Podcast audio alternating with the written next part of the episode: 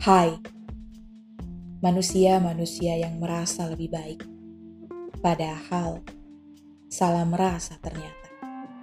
Kamu, semoga bukan ya.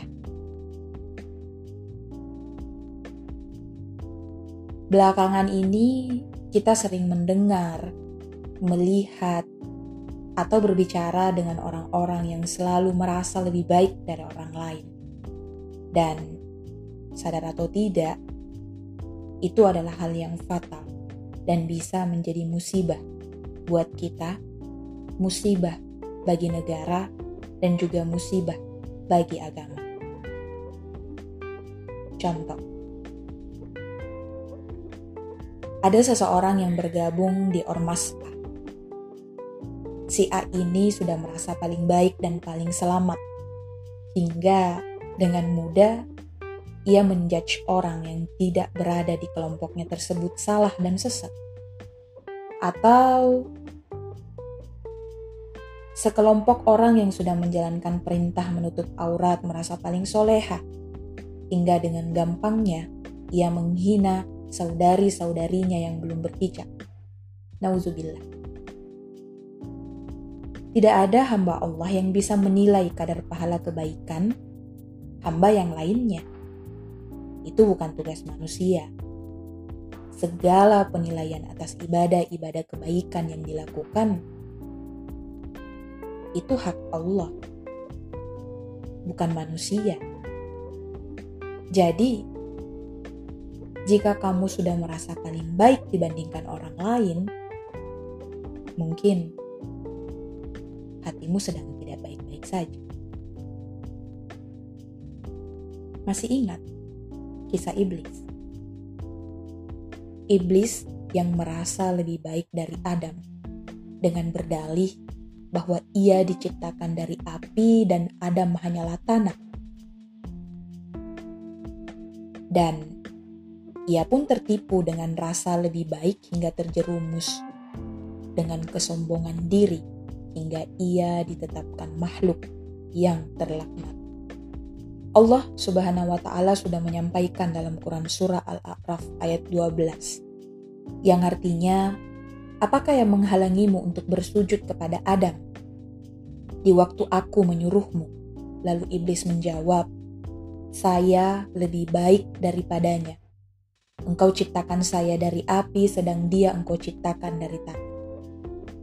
Padahal apa yang dipikirkan iblis justru sebaliknya bahwa sebenarnya tanah adalah lebih baik dari api, karena hakikatnya tanah itu menumbuhkan dan mengadakan dari sesuatu yang tiada menjadi ada.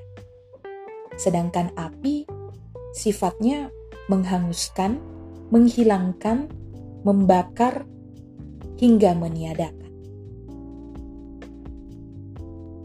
Dan iblis pun terlena dengan itu hingga jahanam menjadi tempat kembalinya karena olah rasa yang salah berakibat fatal ketika ia merasa lebih baik. Dan justru ia dendam dengan Adam atas kesalahan yang ia perbuat sendiri. Merasa lebih baik, ternyata hari ini muncul dengan berbagai variannya yang sangat beragam